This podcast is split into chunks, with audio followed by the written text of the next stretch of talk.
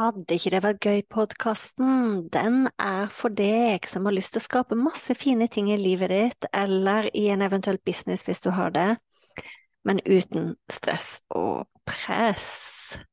Så lytt inn. Uansett hvilken episode du kommer til, så kan det hende jeg snakker om business, det kan hende jeg snakker om nettkurs, det kan hende jeg snakker om kursplattform, det kan hende jeg snakker om livet, det kan hende jeg snakker om meditasjon, det kan hende jeg snakker om eh, manifestering. Alt som egentlig kan gjøre livet vårt og businessen vår bedre. Når jeg starta opp, så var det sånn at eh, den podkasten her heter Fantastiske nettkurs. Det heter den ikke lenger. Er ikke det gøy? Så tankegangen med Vil ikke det være gøy-podkasten, det er at eh, vi kan skape så mye fine, fantastiske, suksessrike ting både i livet og businessen vår, men uten press. Uhuhu. Vi ses! Velkommen, velkommen til podkastepisode nummer 93. Og den episoden her, den skal handle om tvil. Tvil! Egentlig ganske kort ord, men som kan lage veldig mye bråk.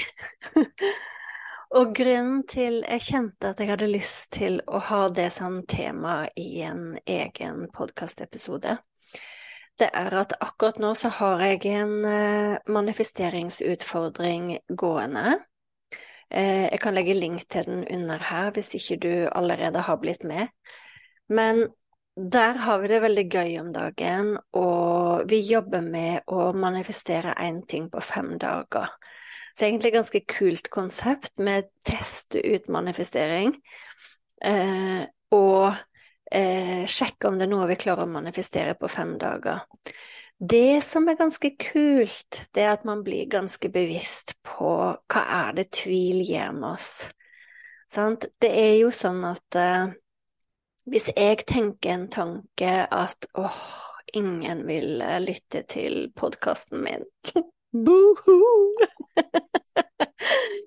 Sant? Hvis jeg tenker den tanken eh, Tror du da at jeg får lyst til å sitte her og spille inn en ny episode? Nei! Da går jeg heller ut, og så tenker jeg at jeg utsetter det. Jeg må liksom Jeg venter til da og da og da og da, sant? Og egentlig så er det bare på grunn av en tanke. Det er bare en tanke som satte i gang hele den prosessen med at jeg ikke spiller inn en ny podkastepisode, sant? Hvis jeg tvert imot tenker at det, den podkastepisoden kan faktisk gjøre at noen får en stor aha, den podkastepisoden kan gjøre at noen andre lager en podkast, eller den podkastepisoden kan gjøre at noen får tro på seg sjøl til å gjennomføre den og den oppgaven, eller å stå i det de holder på med. Tror du jeg får lyst til å lage episoden da? Ja, og det er også en tanke. Og det er det som er så innmari kult, at når vi blir bevisst på tankene våre, så skjønner vi plutselig at det ikke alltid er gunstig å tenke for mye. og det er litt Det er tull, og det er ikke tull, men hallo, folkens. Alle, jeg tror de fleste som følger meg, er eh, også litt spirituelle. Og vi er mer enn tankene våre, folkens. Sånn, tenk på den gangen du får en liten sånn magefølelse på at dette er smart å gjøre, eller du får en magefølelse av at nei, dette skal ikke jeg holde på med, eller du får en magefølelse av å ringe den og den. Hvor kom det ifra? Sant?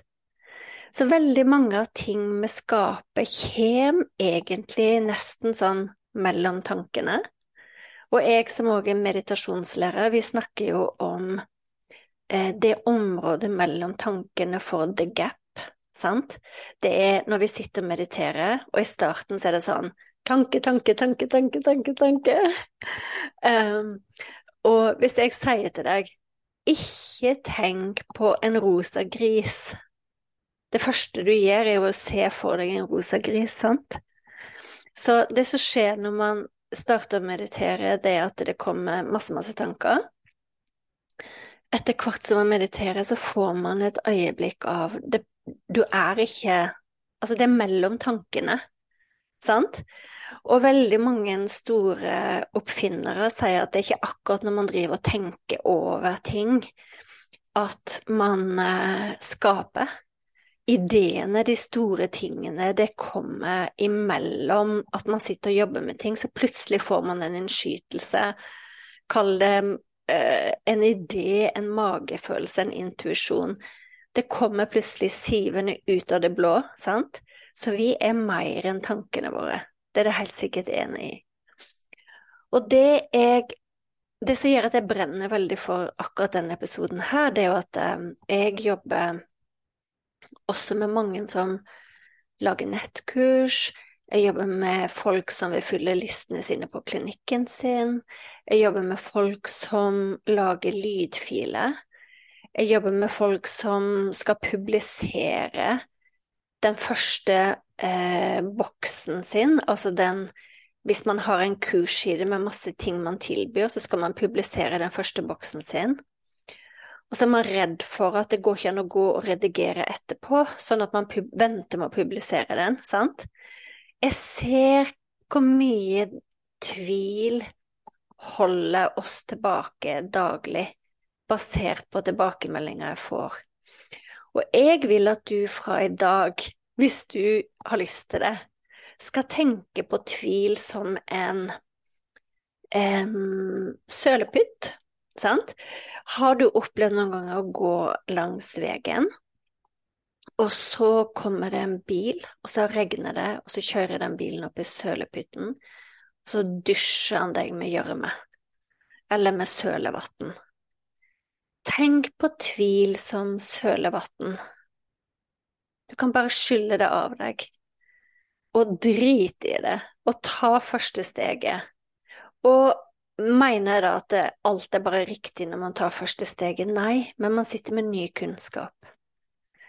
Og det er også noe som jeg ser blir gjort veldig mye, at man skal vente på det perfekte øyeblikket, man skal vente til det og det, og man skal vente, man skal vente, man skal vente. Så jeg kunne lage en egen podkastepisode om venting òg. Men sant, det er jo tvilen som ligger der, på en måte. Frykten for at ikke ting skal være bra nok, ikke skal funke. Men hvem har sagt at livet skal funke hele tida? Sant? Det er jo gjennom å teste, gjøre ting, at man finner sitt neste steg. Så jeg hadde bare lyst til å si det eh, at intensjonen min for den episoden her, det er at vi vasker av oss tvil, og så fortsetter vi, og så gjør vi de tingene vi hadde tenkt å gjøre.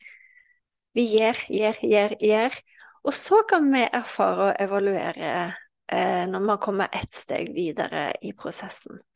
Så jeg håper denne episoden her var nyttig, om det så er manifestering du holder på med, eller om du driver for deg sjøl, eller om du tviler på om drømmene dine faktisk kan bli til, sant? For det er jo det som ofte skjer da når man manifesterer, for eksempel. Så drømmer man gjennom noe som ikke har vært oppnåelig så langt. Og da er det veldig, veldig forståelig at tvil dukker opp. Det er ikke noe rart at tvil dukker opp i det hele tatt, sant? Fordi vi har ikke gjort det før. Vi har ikke fått opplevd den opplevelsen før. Så egentlig så kan vi bare normalisere tvil og huske på at det er en liten sånn sølepytt som bare splæsjer litt over oss. Og så dusjer vi oss reine, og så tar vi det første steget. Og så lever vi i full tillit på at det virker, at man blir vist neste steg og neste steg og neste steg. Og vips, så er det gjort.